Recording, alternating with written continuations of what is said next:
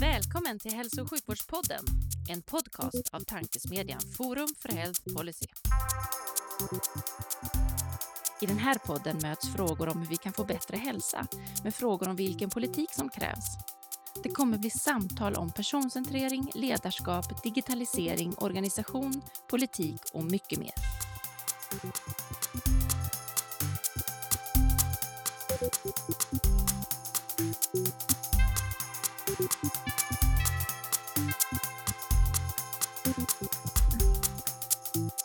Hej och välkomna till Hälso och sjukvårdspodden, tankesmedjan Forum för Rättspolicys initiativ för att sprida goda idéer och tankar kring dagens och framtidens hälso och sjukvård och omsorg.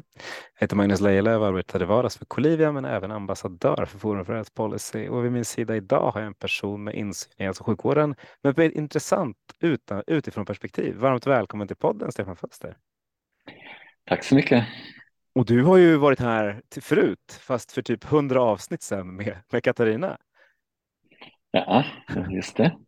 Jag Hoppas tänker, att jag har något nytt att säga. Ja, men jag tänker så här, på, på, ett par år så har det hänt rätt mycket.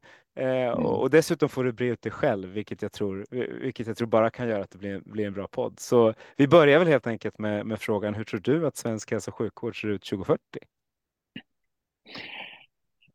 Om man ska göra en prognos till 20 år framåt, ja. då är det ganska bra att blicka 20 år bakåt uh, först. Och um, och då, um, det är min analys att vården har blivit bättre och det beror kanske mest på att behandlingar har utvecklats och, och bättre läkemedel har kommit.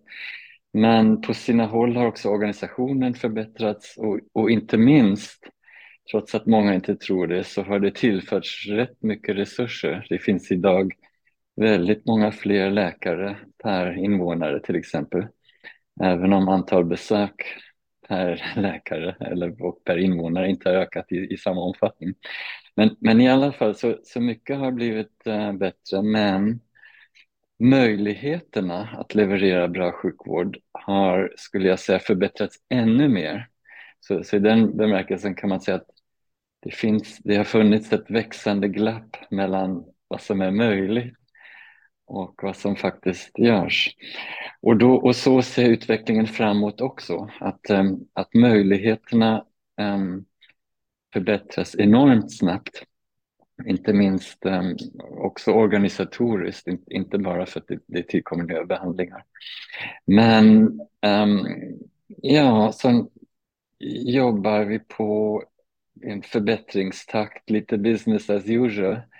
Eh, så sjukvården kommer förbättras, men, men inte lika snabbt som möjligheterna och inte tillräckligt snabbt för att möta de flaskhalsar som uppstår.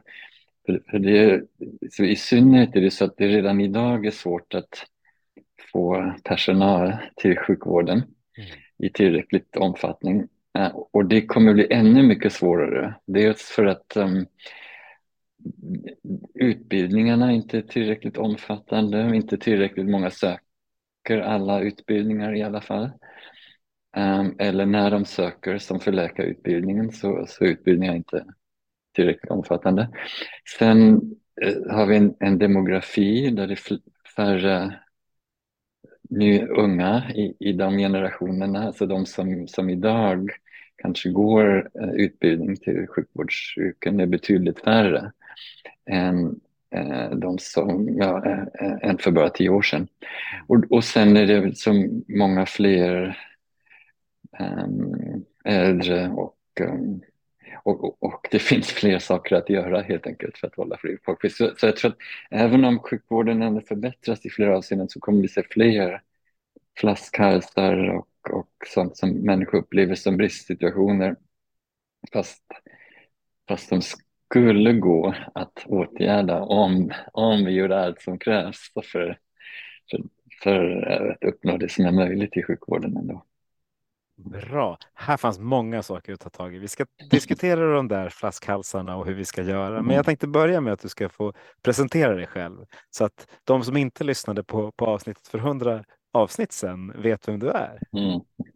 Så Stefan, vem, är du? Ja, ja, ja, jag är som i den här rollen eh, nationalekonom eh, som har gjort analyser av sjukvården här och var sedan 90-talet.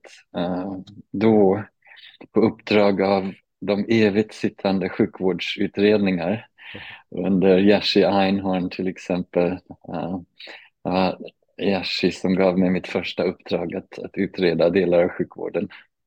Och sen har jag som, därefter skrivit eh, en bok tillsammans med andra som heter Den sjuka vården. Som i början på 2000-talet som fick mycket uppmärksamhet då därför att hela debatten handlade om att det var ont om resurser. Men när, när vi gick igenom statistiken så blev det väldigt tydligt att, um, att Sverige hade, som, som nu många som har tagit till sig att Sverige har mång, mycket sjukvårdspersonal men förhållandevis få uh, besök. Och sen skrev vi en uppföljning av boken Den sjuka vården 2 också som försökte utröna hur det hade gått. Um, och, och sen har jag därefter gjort, gjort andra studier av delar och också möjligheter med digitalisering och, och, annat sådant. Mm. Precis, och du är en flitig debattör eh, med angreppsvinkeln hur vi ska använda våra skattepengar på bästa sätt i olika sektorer. Ja, mm, ja. absolut. och, och, och de eh, sektorerna um, som säga, påverkar också sjukvården uh, på sätt som, som inte ofta är med i sjukvårdsdebatten. Till exempel skrev en, en bok ganska nyligen om hur den offentliga sektorn an, använder sina tillgångar som fastigheter och, och annat. Uh, och, och, den boken kom att ta titeln Konsten att tappa bort 4 000 miljarder kronor. För att uh, vår slutsats var att um, att det är så mycket uppmärksamhet i, i den offentliga sektorn om driften och driftkostnader. Men att utveckla värdet av tillgångar, fastigheter till exempel, det är nästan ingen som, som bryr sig om och, och det gör att man förlorar ganska mycket. Ja. Och, och, bara för att ta ett par exempel, i den här mycket omdiskuterade um, upphandlingen och byggandet av Nya Karolinska sjukhuset så, så, så var det ju så att um, Region Stockholm har ett, uh, som man tror, fastighetsbolag, Lokum. Mm. Men det äger i själva verket inte några fastigheter utan är, är bara ett uh, slags driftbolag för, för fastighetsskötseln. Så, så Stockholms politiker de kringgick sina egna fastighetsexperter och skötte hela upphandlingen mm, på ett som ganska ryckigt politiskt storstyrt sätt. Uh, i, istället för att låta sig bli fastighetsexperter och sköta eh, alltihopa professionellt. Mm, som det finns goda exempel på på andra håll, till exempel har Jernhusen, SJs fastighetsbolag, har lyckats fantastiskt bra med att utveckla järnvägsstationer och, och och annat. Ja, så, så det är ett exempel på hur, som, varför det blir misskött. ett, ett annat exempel är hur um, regionföreträdarna ganska nyligen fick hybris och trodde att de, de kunde sköta och förvalta flygplan mm. uh, bättre än experterna och uh, sa upp kontrakten med, med de som skötte ambulansflyget och köpte in flygplan själv och och det har blivit ett fullständigt fiasko som dyrt och, och en, en slags värdeförstöring av tillgången som finns i form av flygplan som nu inte flyger så mycket och som tvingat eh, Karolinska sjukhuset att köpa in en egen helikopter till exempel. Ja, så så det, det är som några exempel på, på saker där också sjukvården skulle kunna spara mycket pengar och använda bättre. Mm när jag läste rubriken och ingressen på, på liksom, kring den boken och här, så, mm. så, trodde jag det handlade om sjukvården. För det kändes som att vi liksom slösar bort pengar även där. Men så kom det till byggnader. Men tycker du att vi mm. använder våra, eh, Eh, våra medel inom, inom sjukvården på ett bra sätt? Det var en ledande fråga inser jag. Mm. Ja, jag, jag tror att det det är ett väldigt varierande landskap eh, och, och det, det, är också det som gör det så svårt att diskutera, att, att det är många delar av sjukvården där, där, eh, där människor gnetar och jobbar på som för fullt. Men samtidigt som, som det finns andra delar där det finns um, som lediga resurser. Fast det är svårt att hitta, uh, hitta dit. Uh, eh, men, men framförallt går det också för trögt att ta till sig de som nya möjligheter som, som uppstår. Ehm, alltså, um, alltså, bara för att ge ett exempel från en bransch som har varit väldigt bra på logistik, uh, som flygbranschen. Mm. De har redan för 25 år sedan infört en, säga, ett digitalt planeringssystem som gör att om ett flygplan går sönder så, så hittar den här planeringen automatiskt hur man kan allokera ett annat flygplan, hitta besättning som, som kan flyga med det och så att det funkar också med var det där flygplanet ska vara sen och, och besättningen. Och, och, allt det där går på, på några minuter mm, för att man, man måste sätta in det här snabbt. Mm, och för, för den typen av system så har som sjukvården ganska varit ointresserad. Så i, i sjukvården kan en, en, läkare som skriver remiss för dig till exempel, som kan själv inte veta hur köläget är hos de olika utförarna som, som den kan skicka dig till eh, om man inte har hört något på, i kafferummet av sina kompisar. Eh, och, och, som patient kan man ännu, ännu mindre veta. Mm. Ja, och ja, så, så, så, det, bara det skulle vara som ett, ett av de mest um, lägst hängande frukterna att lösa att, inom sjukvården när det gäller logistik. Att, att kunna se var det finns luckor och kunna slussa patienter dit istället för där köerna är som längst. Man verkar klara det inom både, alltså inom flera logistikbranscher och det verkar gå ganska snabbt nu när liksom när som Budbee och så startar upp så ganska direkt så har de en app och kan lösa liksom snabb, snabb paketering. Nu förenklar jag säkert det, men hur, hur, hur snabbt tror du man ska kunna implementera det i vården? För, för, det, för, för det låter som det låter som, som ljuv musik i mina öron och det låter som att vården vill ha det och vi patienter vill ha det. Men hur, mm. hur svårt skulle det vara tror du? Så delar för, förutom själva vara, förändringen, ja, precis. förändringen ja, precis. i sig, för det är svårt. Ja. Alltså, delar skulle gå väldigt snabbt, men, men ta till exempel Uh, tycker vi kanske de flesta att för många söker sig till akutsjukvården. Mm. men, men, men, men, men, när man ändå gör det eller känner att man behöver akutsjukvård, uh, att kunna se vad det är lång väntetid och vad det inte är. Mm och hur lång den är eh, innan man åker dit och sitter i, i väntrummet. Eh, men en sån sak skulle gå väldigt snabbt att, att införa. Sen ett, ett annat slags logistiksystem som börjar finnas i, som spjutspetsarna i världen, att, uh, att, att de har som ett litet kontrollrum mm. i ett sjukhus som kan, som kan följa patienterna, patientflödena i sjukhuset eh, och optimera, liksom, då kan datorn räkna ut var de här patienterna så småningom behöver um, platser sig efter operationen och så och, och förbereda plats redan där eh, och, och därmed förhindra um, att, att många läkare och sjuksköterskor eh, uh, behöver ringa runt för att hitta platser som de ofta klagar på idag. Mm. Ett sådant system det, ehm, det finns visserligen, men, men det tar lite längre att införa förstås. Ja men exakt, men för, eh, John Hopkins sa ju det och, och då pratade mm. det var någon som var på Almedalen, jag kommer inte ihåg hans namn, men han, han var liksom eh, den största stjärnan på Almedalen för åtta år sedan eller så. Det var mm. säkert tio år sedan när jag säger åtta. Eh, och sen vet jag att under, under pandemin så hade man den typen av kontrollton på Karolinska. För man liksom förstod att mm. okay, här, kan vi, nu, här måste vi samlas kring det här. Men det händer liksom ingenting. Borde, inte, borde det inte finnas ett kontrolltorn nu på varje sjukhus med lite liksom, självaktning?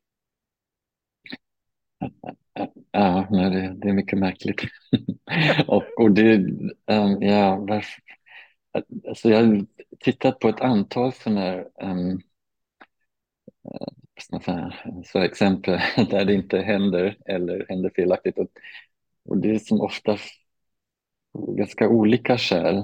Ibland är det bara så att regionen eller sjukhuset inte från alltså inte har en stabsfunktion som ser till att det blir gjort. Det, det är svårt att, att ta initiativ bottoms up så att säga till, till en större IT-satsning. Ja, men, men sen ibland är det så att man, man har en, en, en IT-funktion som inte fungerar väl och gör stora misstag. Um, som om man går utanför vården med eh, som Stockholms vårdplattform till exempel och, och många andra. Och, och det, när sådana misstag sker då är det klart att då blir ledningen också um, lite mer för, uh, rädd kanske ja. att, att försöka sig på sådana saker. Ehm, men, ehm, men sen är det också så att, att det ibland finns personalgrupper som är emot för att de som bevakar sina revir eller så. så. Det klassiska exemplet är när Uppsala var först med att, att införa journaler som patienter kunde läsa online. Då var 80 procent av läkarna helt emot. Och, och delvis för att det visar sig att de ofta inte, alltså som skrev journaler lite slarvigt och signerade inte dem. Och när journalerna kom online då, ja, då blev de ju tvungna att skriva lite mer ordentligt och signera också. Mm. Precis. Men hur ska man balansera det nu? Eh, för, just nu går det väldigt snabbt. Det, det säger, vi, säger vi hela tiden. Och så tittar man på ja, ChatGPT som kom i november och så nu, hur, hur, det, hur den nu klarar den amerikanska AT-tentan. Eh, mm. Alltså det är, det är så häftigt hur snabbt det går och hur mycket man skulle kunna, hur mycket hjälp man skulle kunna få till vården. Men hur, hur för det, det, är också något som det hotar ju det sättet vi jobbar på just nu. Hur ska vi jobba med mm. förändringsledning för att faktiskt få in det där? För, för att vi kommer få in det, det tror jag vi alla är enade om. Det är frågan om när vi får in det. Mm, mm. Alltså, jag, låt mig först säga att vi har en ganska förvirrad debatt om, om digitalisering. Jo, tack. Uh, där in, inte minst så, så kom det alldeles nyligen en SNS-studie om digitalisering. Uh, och men i mycket av den här debatten så ställs frågan på ett väldigt konstigt sätt. Eh, är digitalisering bra eller inte? Det, det är som om man skulle fråga, är antibiotika bra eller inte? Eh, här vi alla vet att, att antibiotika är, som, är otroligt viktigt, men, men ingen vill att det ska vara mer, utan det ska vara som rätt bättre och rätt använt. Och, och, så är det med digitalisering också, att, att det finns då lågt hängande frukter och killer apps, om man så vill, sådana saker som kan göra en jättestor skillnad. Um, men, men det betyder inte att, uh, att allt ska digitaliseras till varje pris och det finns säkert uh, också digitala instrument som, som bara ställer till det, eller där man inte behöver skynda. Så, så, ja, så till din, din egentliga fråga. Du, jag fick så många tankar, det, många svar på SNS-rapporten, men vi väntar med det. men, men eh, i, i, eh, i, i de organisationer som jag undersökt som är väldigt framgångsrika med sin digitalisering, då, då finns det ofta en, en, en dedikerad stabsfunktion som har mycket stöd från ledningen eh, men som också ofta kan arbeta, kan, så att säga, runda den vanliga IT-avdelningen eh, och införa, eh, så, borde både undersöka och införa system. Och också att kan införa system på ett sätt som inte um, alltså där, där, man inte måste som, bygga ett helt nytt IT-system som gör allt på en gång och sen blir det en massa inkörningsproblem utan som kan göra det här liksom stegvis och, och pröva sig fram och i viss mån kanske i början duplicera existerande system för att kunna pröva sig fram. Och då, då kan det ofta bli väldigt bra. Men, och, men det stödet från ledningen krävs också för att det finns alltid några som det finns alltid några som har berättigad kritik men det finns också många som har eh, så att säga, som är bromsklossar eh, om inte det stödet från ledningen är väldigt tydligt. Ja, men visst är det så. Sen, och vi är ju experter på stora monoliter till system i sjukvården, men vi är också experter Mm. på att utvärdera saker och ting, vilket är jättebra. Det är fantastiskt att vi har liksom den processen för att utvärdera läkemedel, hälsoekonomiskt och liksom medicinteknik, eh, prylar också. Men nu kommer någonting som går ganska snabbt och som måste, precis som du säger, liksom implementeras iterativt. Och då behöver vi nog tänka annorlunda. För den, hälso, den SNS-rapport som gjordes var ju jättebra om man ville se hur såg saker och ting ut fyra, fem år sedan. Men det händer ju jättemycket hela tiden där vi verkligen behöver liksom både förändras mindsetmässigt och sen på något sätt testa och göra fel och misslyckas som ju som all IT-utveckling faktiskt kräver. Mm. Det det är en ganska svår motsättning som är för mig en av liksom farorna med att vi kommer att bli lite sämre på digitalisering, att vi, att vi får, lever kvar i någon slags gammalt system. Är jag snett på det eller hur känns det? Alltså jag, jag håller inte med dig om att den SNS-rapporten var bra. Nej, men det, jag tyckte den var jättedålig. Jag tyckte, jag tyckte den var den- katastrof. den ärlig. Men, men det, Ja, den, den missade ju faktiskt en stor del av forskningslitteraturen och, och ställde en irrelevant fråga. ja, så då, är, Men- då är vi, vi, vi kan vara eniga från början. Så, Ja. Så, men men jag skulle vilja säga att, att um, ja, det kommer mycket nytt och, och det går snabbt. Men vi skulle kunna ta stora kliv med beprö alltså enbart beprövade digitala system. Som, så, så ens utan att liksom experimentera med obeprövade saker så, så skulle vi kunna vara mycket längre fram. Mm. absolut. Mm. Men, men då måste vi våga göra det också. Eh, Ja, ja precis. Och, och eh, alltså, ledningar måste våga göra det, men, men, men vi, eh, säga, patienter och väljare och att vi måste också ställa krav på att, att det görs. Precis. Och nu har vi gnällt lite och det är ju lätt att göra det ibland. Mhm. Eh, Men du sa, du sa ett par positiva saker här som jag tänkte vi kan gräva in i de positiva också. Du sa att organisationerna har förändrats till det bättre. Även om de inte förändras lika snabbt inom sjukvården som du skulle vilja så sa du att organisationen har blivit bättre. Vad är det du känner har blivit bättre? Det, är ju väldigt, um, vad ska man säga, fläckvis om man vill, eller väldigt olika på, på olika håll. Men, Ja. men det är ändå så att, att ehm, man hör inte så mycket om det i Stockholm kanske, eh, men, men det är ett antal regioner som, som är ganska imponerande resultat och som fungerar bra. Eh, Och, och, och, lite, och det skaver lite kanske att de regioner är också relativt små som Halland och Kalmar och Östergötland och Jönköping. Ehm, och, och, och alltså bara det går ju lite stick i stäv med det som, som pratas om mycket ofta, att, att vi borde ha färre regioner och eller staten borde ta över.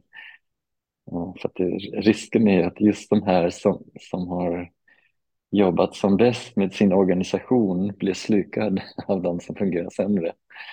Um, alltså det, alltså, så det finns goda uh, exempel både på regionnivå Ehm, men, men sen tycker jag att, att det finns ganska många utförare också som, som har förbättrat sin organisation och, och delvis också kanske ibland för att de känner av konkurrensen från, från nya utförare som kommer in och, och en del av de, av de nya um, bidrar i sig med um, intressant uh, digitalisering till exempel och, och så. Mm. Mm. Ja, men för, det, för det är svårt. Där. Vi, vi blandar oftast ihop debatten kan jag tycka. För Mm. de små innovativa regionerna är ju bättre på ett antal Mm. saker. Och, och sen är det en del saker som, som borde styras nationellt ifrån eller i stora, större regioner. Men, men vi liksom ska göra antingen eller hela tiden.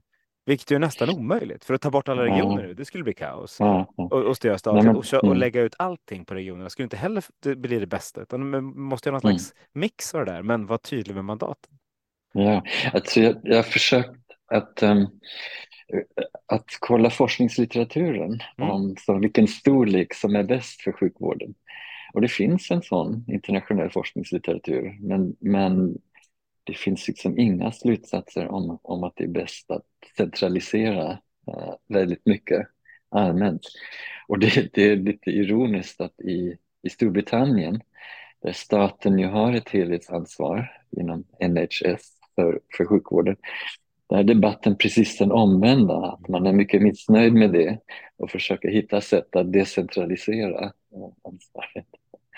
Så, så jag, jag, tror att jag tror mycket på något som, som man kallas för institutionell konkurrens. Att man, man kan inte liksom, i, på grund av några naturlagar bestämma uh, om vems, på vilken nivå saker bör bestämmas utan det kan vara så att, att staten blir duktigare uh, och prövar sina vingar och då får ökad förtroende. Men, men om det blir så då borde staten försöka med några saker först.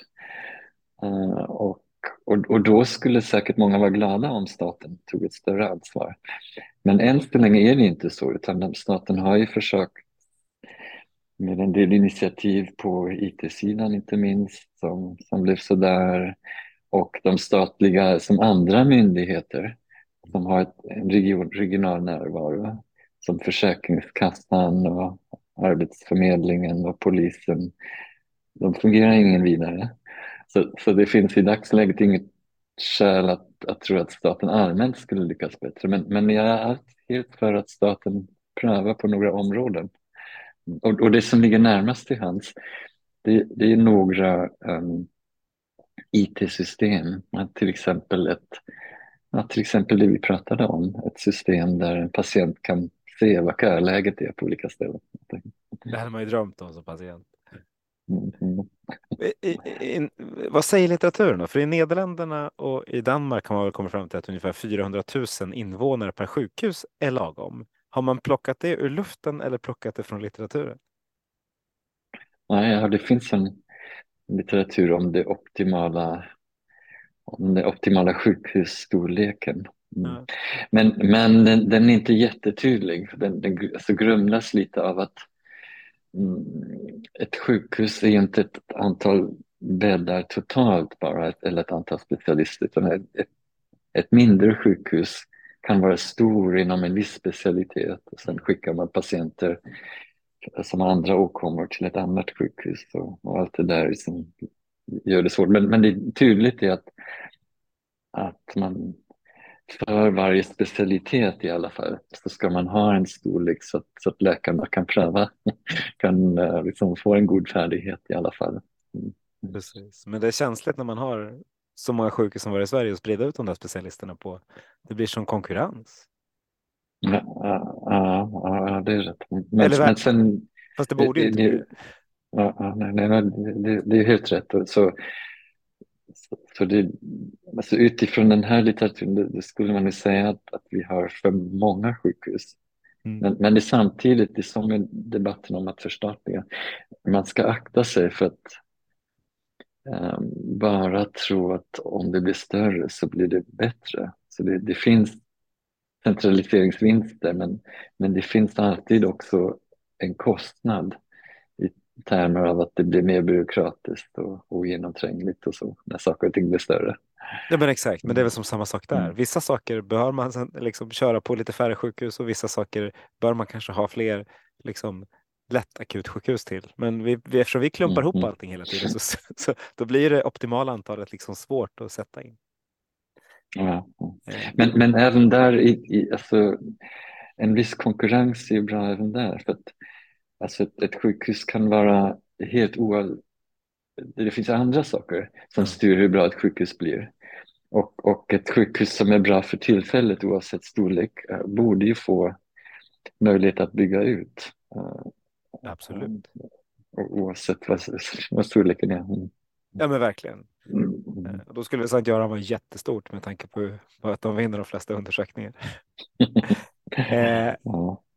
Du sa innan att vi har blivit sämre på att attrahera folk till våra utbildningar eh, inom vårdyrkena. Eh, vad, vad, tror du vi ska göra för att, för att attrahera, attrahera fler och för att göra utbildningen bättre? För det är ju liksom en sån nyckelfråga för att vi ska lösa framtiden. Det, det borde vi egentligen gjort tio, för tio år mm. sedan. Men om vi ska börja nu då, vad, mm. vad tror du vi ska göra och hur tror du vi ska göra den bättre? Alltså det del, som, om man ser på själva läkarutbildning mm. Det är inte svårt att attrahera folk utan den är underdimensionerad för att vi, vi har kunnat snarare kunnat freerida på andra länders utbildningar eh, helt enkelt. Um, men för, för andra, eh, så jag, jag tror ändå att, um, att det finns ett stort problem med, uh, med många offentliga delar av sjukvården i sin arbetsgivarroll. Aha. I den privata också, men, men om, man, om man jämför med hur några av de mest populära arbetsgivarna ser ut i Sverige, som Ikea till exempel, mm, som aldrig har svårt att hitta sökande. Uh, så, och där är det så att, att de har byggt upp en, en väldigt tydlig kultur Mm, av att se individen, att, se, att organisera så att inte en chef har ansvar för 40 personer utan, utan faktiskt kan liksom, se varje medarbetare. Um, att bygga upp karri bra karriärvägar så att människor kan utvecklas. Uh, och, och, och, allt det där um, brister på, på många håll. Eh, I snitt verkar det vara lite bättre hos de privata vårdgivarna och där personalen därför också säger att de är något mer nöjda. Men um, men det är inte mest en skillnad mellan privat och offentligt utan det är den kulturen som, som har byggts. Och, och det tror jag borde bli en, en en tydligare strategiskt inslag också i, i regionpolitiken och, och förvaltningarna. Att, att bygga upp den här arbetsgivarrollen och då blir det också mer attraktivt och, eh, och, och fler vill utbilda sig. Och, och också alltså ett närmast absurt inslag är, är ju att um, uh, när det är brist på personal um, då, då föreslås ju ofta att, att ja, men då kan man ju ta hjälp av annan personal för vissa arbetsuppgifter. Men då blir det genast ramaskri som, som eh, nu när, när Nya Karolinska utbilda operationstekniker som finns i alla andra länder. Då blir operationssköterskorna som, som jätteupprörda och känner sig nedvärderade trots att, um, trots att de samtidigt klagar över att de har för mycket att göra. Ja, likaså när, när någon föreslår att apotekare som är välutbildade skulle kunna göra lite mer. Det finns alltid läkargrupper som, som protesterar. Eller när barnmorskorna som som Sverige har ganska många av jämfört med andra länder. Eh, men som känner sig överbelastade. Och så fort någon föreslår att, att det kanske skulle kunna bli lite fler undersköterskor eller någon annan som gör det, då blir också jätteupprörd jätteupprör. Och, och jag tror att alltså, den känslan som, som många grupper har av att um, de måste bevaka sina revir så hårt, den hänger ihop med som den bristande arbetsgivarförmågan att skapa en bra kultur. För att om, om som fler anställda skulle känna sig mer som uppskattade och sedda och hjälpta i sin karriär, då kanske inte skulle vara lika viktigt att försöka bevaka sitt revir på samma sätt. Mm. Nej, jag kan bara hålla med. Som mm, den mm. apotekare jag är och har sett det där från, från apotekssidan. mm, mm. eh, men, men vad tror du om framtidens hälso och sjukvårdspersonal? För om vi nu tar bort eh, att, det, att det finns lite hierarkier och lite protektionism mm. inom vården. Vad, vilka tror du eh, skulle behöva komma in i liksom en framtida vård? Om vi nu har digitaliserat ganska långt, tror du kommer behöva komma in några nya yrkeskategorier? Och tror du att vi behöver förändra på, liksom, på profilen på de, de som jobbar inom vården? Ja, ja det tror jag. Och, och den, mest, den största drivkraften i det är att kunskapsmassan um, ökar ju explosivt. Och, och, det är som en av utmaningarna hela tiden, att, att en, en läkare även i sin specialitet kan inte som har koll på, på allt. Och, och, därför har det i praktiken redan bildats eh, inom varje som, formell specialisering, en, en hel del som informella specialiseringar. Och, och läkarna vet ofta vilken av kollegorna som är bra på det och vilken som är bra på det. Men, men jag tror att um, vi måste hitta då också bättre sätt att, att kunna identifiera de här informella specialiseringar och slussa patienter eh, bättre till dem. Eh, men, men också ja, utbilda nya grupper som, som kan, som, alltså en, en operationstekniker till exempel, som kan vara jättebra på en viss sorts maskin eller så och därför kanske inte behöver jättelång utbildning. Men den maskinen kan samtidigt vara för komplicerad för, för en operationssköterska som, som ska ha koll på massor med maskiner och, och andra saker. Mm. Så, och, alltså det är sättet i, i alla andra branscher att hantera en sån här kraftig ökande kunskapsmassa, att, att man måste specialis tillåta mer specialisering men men sen att hitta ett sätt att hålla ihop alla de här olika special, specialiteterna så att de samarbetar rätt. Om jag tänker att det blir mer med kunskap så tänker jag också att vi, de beslutsstöd som vi liksom kommer att få eh, på ett digitalt sätt kommer ju hjälpa till rätt mycket. Eh, vilket gör att man borde kanske, de som är generalister kommer att kunna mm. mycket av det där som, som, som de, special, de specialiserade kan idag.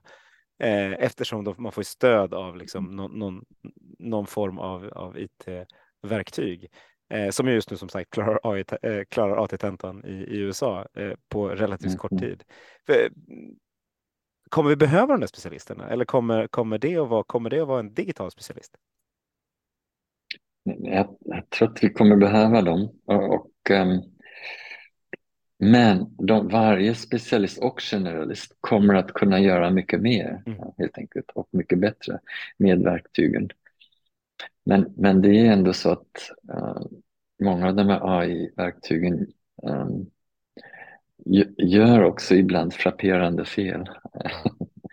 och jag menar uh, ChatGPT som vi alla är så fascinerade av, den är som en som en annan människa, det vill säga att den har fel väldigt ofta också, fast den pladdrar på bra.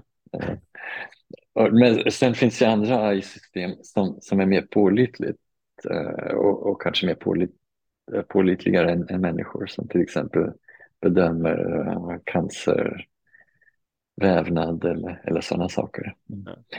som alla kommer nytta av. Men, men jag tror att um, inte minst för att det kommer mycket AI-verktyg som, som också kommer att ha fel så, så måste man ha specialister som, som också dubbelkollar. Mm. Absolut, men sen när AI-verktyget har mer rätt än specialisten, för det skulle jag tro är ganska snart, även om de nu mer mm, har fel mm. så kommer liksom ju mer de lär sig, när vågar vi släppa över till, till, till en AI? Ja, men är det inte så att um, att det är som, som verktyg att, några av de här AI-instrumenten, i synnerhet de som är mer nischade och specialiserade, de kan liksom bli utprövade och sen når de en punkt där de har mer rätt än äh, människor, läkare i genomsnitt. Det betyder inte att de har mer rätt än alla läkare, men i alla fall i, i genomsnitt. Och då kommer de som bli en del av verktygslådan. Men för att vi ska kunna tordas pröva nya också hela tiden och, och tordas som experimentera med sådana som har fel ibland, då, då måste vi också ändå fortsätta ha specialister. Ja, men det tror jag också. Men det är just mm. den här svårigheten med självkörande bilar till exempel. När låter vi vem tar ansvar om de gör fel? Här blir det ännu mer tydligt om vem, mm. var mm. ansvarsfrågan ska ligga. Det är lite, lite stökigt. Eh, ja, men, men det är egentligen inte juridiskt stökigt. För det, ja, om, du tänker, om du tänker en bil så, så skiljer vi också med en, eh, en bil idag mellan Alltså det finns helt enkelt en juridisk gränsdragning mellan vad som är producentens ansvar ja. och vad som är ansvar.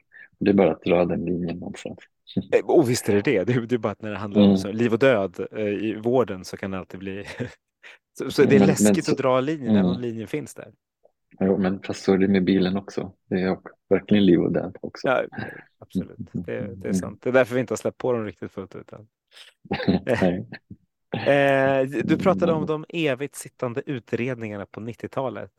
När du tänker tillbaks på dem, vad är det för frågor som vi fortfarande inte har liksom löst och som vi fortfarande pratar om? För jag var på Vitalis en veckan och liksom Almedalsveckan kommer Mm. upp och vi pratar om delvis samma saker fast, fast mycket mer fram, framåtblickande. Men vilka frågor finns kvar? Så den, den eviga frågan är ju tillgänglighet och, och, och köerna. Ja. Um, sen skulle jag vilja säga att lite av en, en undanskymd men otroligt viktigt, det är ju ändå säkerhet och uh, som feldiagnoser, risken för feldiagnoser och felbehandlingar uh, och sånt. Och, och, det är faktiskt ett, ett område som, som verkar ha blivit mycket bättre. Uh, om, om, man ser på statistiken om, om antal onödiga, om man ser dödsfall i vården. Um, å ena sidan, å andra sidan verkar det fortfarande finnas väldigt mycket feldiagnoser och, och kanske också för att uh, kraven har höjts. Det finns 8000 sällsynta sjukdomar som en allmänläkare uh, teoretiskt ska kunna upptäcka och, och så vidare. Men, men i alla fall, så, så där finns det fortfarande mycket. Men vad som är definitivt lika jämfört med då är att um, att man säger att ja, vi har ett problem i sjukvården, något måste göras. Det här är något, låt oss göra det. och, och det är lite så uppfattar jag debatten om, om statlig sjukvård. Det är inte det mest lovande att göra, men, men där är något. Och, och så uppfattar jag också hela processen som har lett till som utredningen en god och nära vård som Um, som började med en god tanke uh, att vi behöver mer kontinuitet i, framförallt i, i primärvården. Dock utan att uppmärksamma att nästan alla länder som har den kontinuiteten i primärvården har också eh, i huvudsak en privat primärvård som Danmark. Men eh, sen kom den här utredningen God och nära vård som otroligt fluffigt, nästan inga konkreta förslag, eh, bara lite mer pengar. Och, och då som är det inte särskilt förvånande att Vårdanalys nu konstaterar att man inte hittar några effekter uh, av den. Um, men, men det har som tagit som åratal av diskussion och otroligt många konferenser och, och seminarier. Och, och på något sätt drivet av den här känslan av att ja, något, något måste vi göra och här är något. Ja, men, och, och visst är det så, men och även du och jag skulle förmodligen, om vi fick liksom bestämma så Mm. skulle vi vilja ha vården så nära patienten som möjligt, så långt från sjukhuset som möjligt med liksom digitala stöd och egen monitorering och vad det nu kan vara. Eh, eller i alla fall skulle jag det, Mm. men jag, och jag bara gissar att du skulle, du skulle tänka liknande. Men, Mm, tänker, mm. men, men vad, vad, är det, vad är det man borde göra annorlunda? Vad, vad skulle, vad, vilka, vilket Alexander Hugg klämmer du in för att få, få den nära vården att komma dit? Eh, em, ja, ja, så problemet var att i, den här stora utredningen så, så fanns det nästan inga förslag Nej. som, som hade kunnat skapa den här, annat än en del önsketänkande. Men som, som till exempel förslaget också att alla ska ha en, en fast läkare i primärvården. Det är ju bara ett, ett önsketänkande när vi har vårdcentraler med personalomsättning och läkare vabbar och det finns ingen mekanism som gör att en läkare som har för många patienter eh, in, inte tar på sig eh, som för många utan att de slussas till någon som har utrymme faktiskt. Och, så, så utan konkreta åtgärder så, så är det bara Uh, uh, um, så, så, så är det bara fluff. Mm. Men ja, så, så det konkreta, men ska, det, det är mycket det som vi har varit inne på. Jag tror att um, personalpolitiken, så att inte minst vårdcentraler behåller sin personal. Det är liksom otroligt viktigt för kontinuiteten. Mm, istället för att i missnöje byta och hitta försöka hitta andra eh, som, där de trivs bättre. Um, Fast det är för att man utgår ifrån att en, man måste vara anställd på en vårdcentral alltså de som jobbar på andra sätt och jobbar med, ja men ta vårdbemanning som du liksom hintar om men inte mm. säger. Men man skulle kunna jobba, liksom, om man nu tycker att det är en bättre arbetsform kan man jobba på samma ställe i, i två år och då få kontinuiteten fast i liksom en, annan ar en annan arbetsgivare också. Ja, i och för sig, men, men um, jag är lite biased i frågan. Alltså, men... Alltså, nej, nej, men precis. Men, alltså, två år är, är, kanske en kontinuitet från en läkares perspektiv, men, ja. men inte från en patients. Utan från en patients perspektiv, om man vill ha kontinuitet, så det jo, absolut. Men, men, men, men, mänskliga, men, jag tänker på den mänskliga cykeln, för vi, vi, byter, vi alla byter jobb ibland. Ja, det, och det, det. det, måste även en läkare få göra, eh, ja, tänker jag. Fastän man liksom borde kunna, kunna hitta mm. lösningar i vårt samhälle som det fungerar idag. Ja, och, och jag vill inte argumentera mot vårdbemanning. Att det, det är, tvärtom, det är som otroligt viktigt i ett man, man hör många som säger att ah, men vi ska inte ha bemanningsföretag. Men, men när en vårdcentral står där utan läkare så är det otroligt viktigt att det finns, att man kan snabbt hitta någon i alla fall. Även om det inte är den som stannar i tio år. Eh, men så, så, så det, det tror jag är väldigt viktigt och också viktigt för att som, som du antyder att det kan det finns ju en grupp människor som, som hellre arbetar på det sättet där de kan hoppa in och få lite omväxling och kan styra sin, hur mycket de arbetar eh, själv. Och, och de vill man inte förlora utan de vill man på något sätt behålla också som, som uh, vårdanställda. Uh, men, men oavsett det så, så, tror jag också att, att det finns många vårdcentraler där arbetsgivarrollen fungerar så dåligt så att det är en hel del som slutar um, för att de är missnöjd med um, arbetsledningen, inte känner sig sedda och så. så, så bara det kan kan förbättras. Och sen är det förstås också så att, att en slags konkurrens um, där utförare som är som bättre arbetsgivare, bättre tar hand om sin personal, den leder också till ökad kontinuitet. Så ja. den konkurrensen ska man snarare uppmuntra än, än försöka att, att strypa som, som inriktningen um, riskerar att bli just nu. Mm.